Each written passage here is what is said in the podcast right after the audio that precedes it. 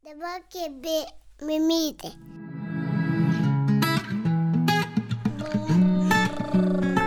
Kaba mama.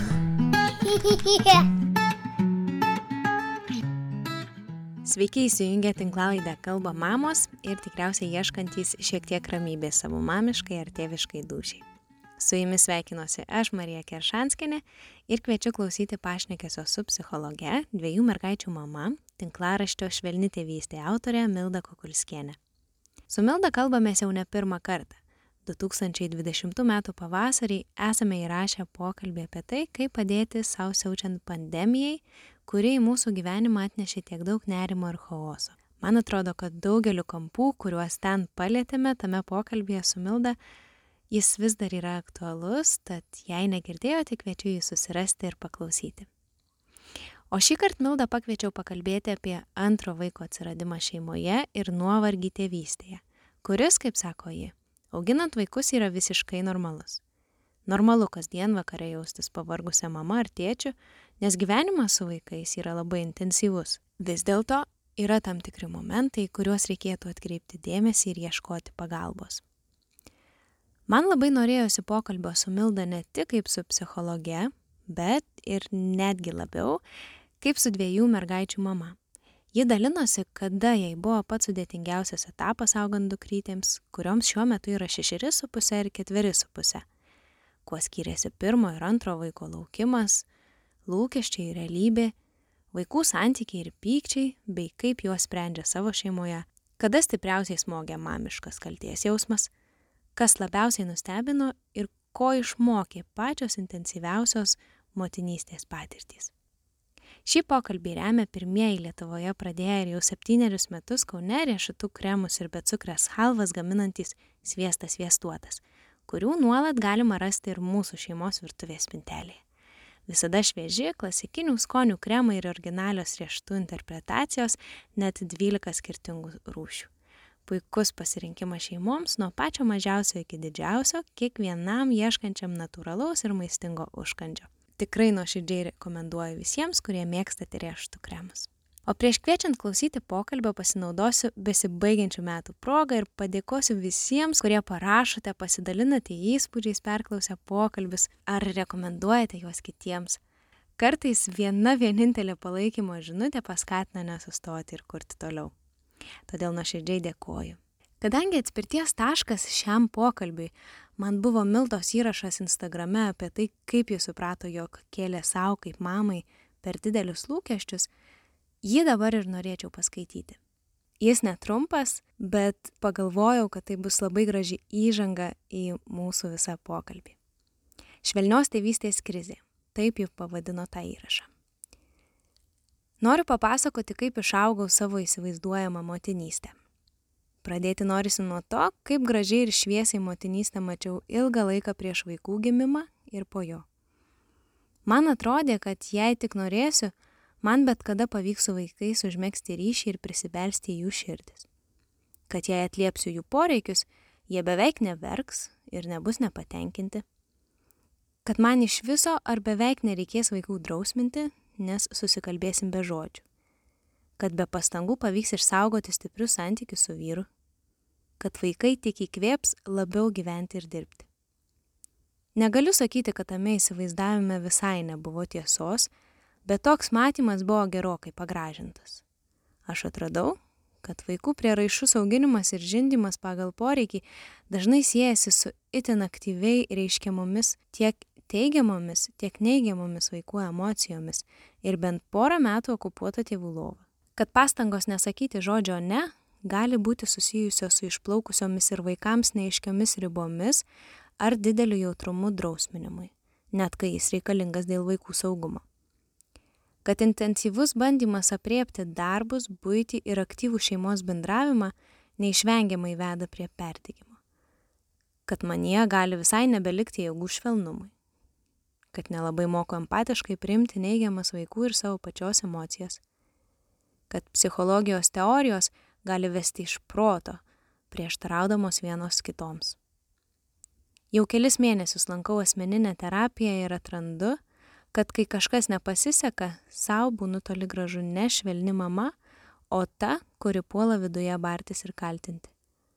Dar atrandu, kad kai mane išklauso ar besąlygiškai priima, yra lengviau priimti ir išgirsti savo vaikus ar partnerį.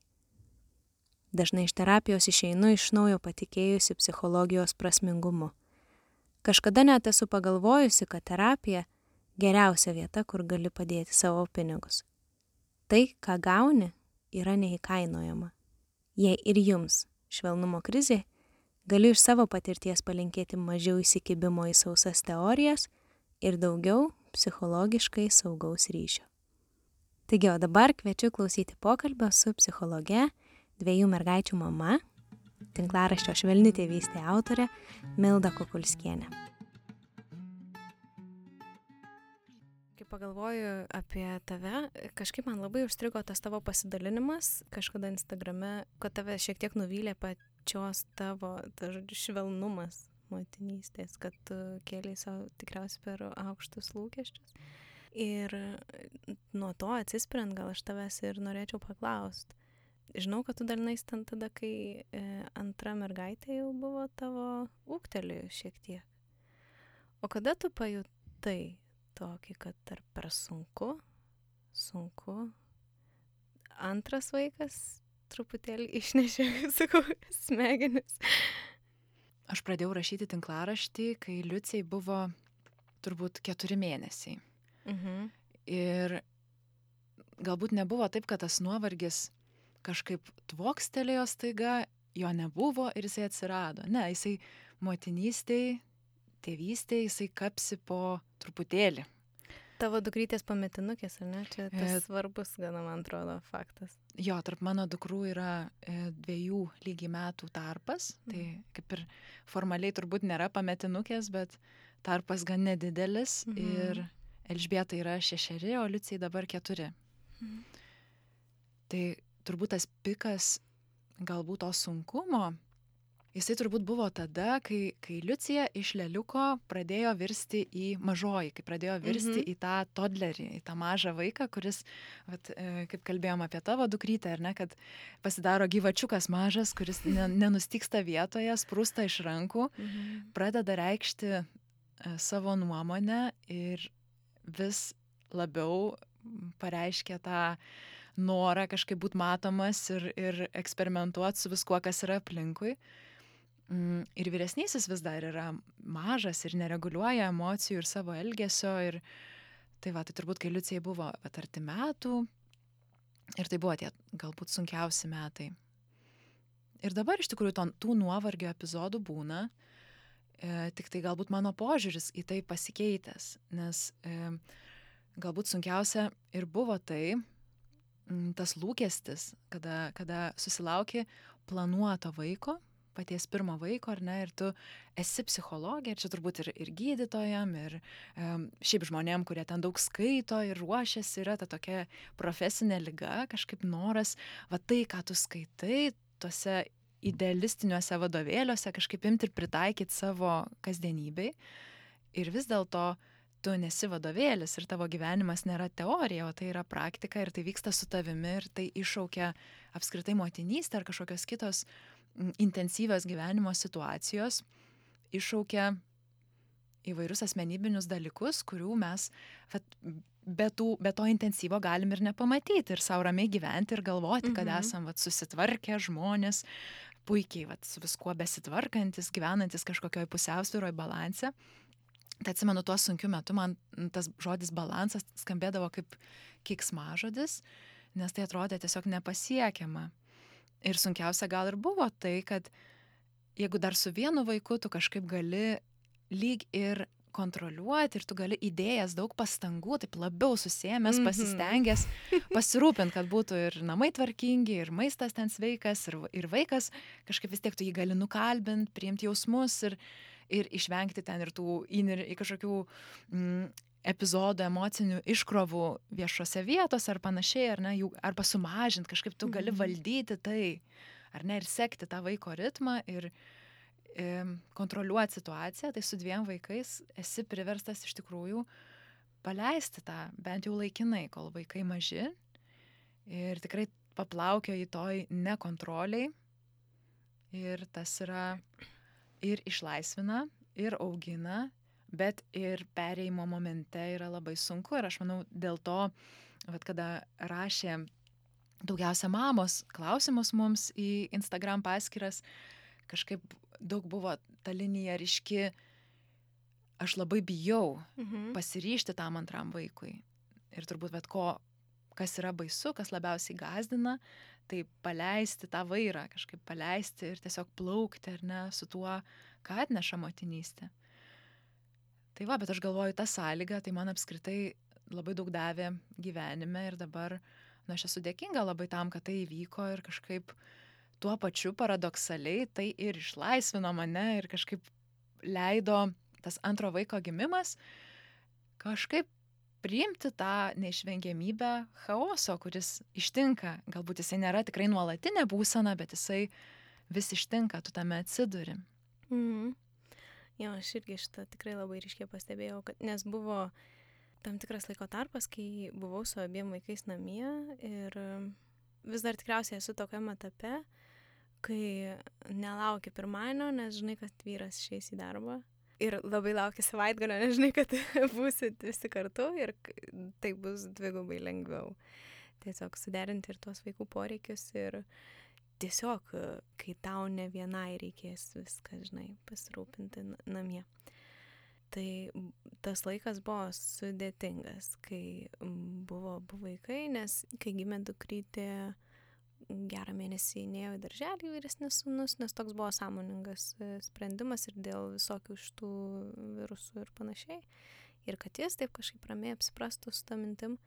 Tai šiaip tas pirmas mėnuo, tai toks, sakyčiau, buvo tikrai, nes ir vyras buvo namie, ir dukrytė gana rami, tai taip kažkaip buvo fainai. O paskui buvo sudėtinga, kai dar vyresnėlis neėjo į darželį, arba eidavo, tai neįdavo, bet ne dėl lygų dar, va taip, aš gal tokius irgi pamastydama apie šitą mūsų pokalbį, ko aš čia galėčiau pasidalinti, nes šiaip mano mintys dar labai apie šitą patirtį yra žiauriai padrikos, tai, tai labai sudėtinga dar kažką į tokią bendrą visumą iš tikrųjų surinkti, nes um, į vieną dieną telpa labai daug jausmų.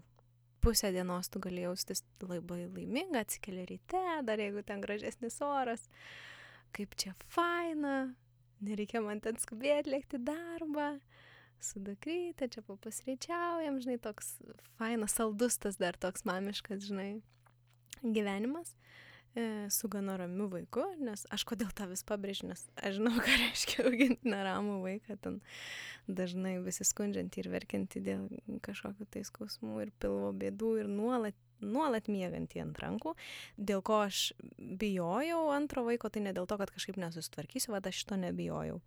E, tą matau klausimą vat, iš daugelio mamų ir kad vat, nerima didelį jaučia, ne, kad aš nesusitvarkysiu.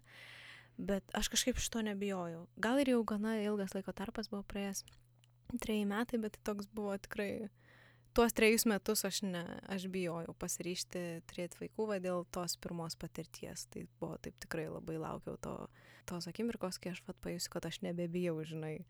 Tai uh, trejų metų man kažkaip prireikė. Tai vad ne dėl to, kad aš ne, nes kažkaip bijojau neapriepti to, ten palūšti ar ką, nežinau, nesusitvarkyti, nesuderinti poreikių vaikų.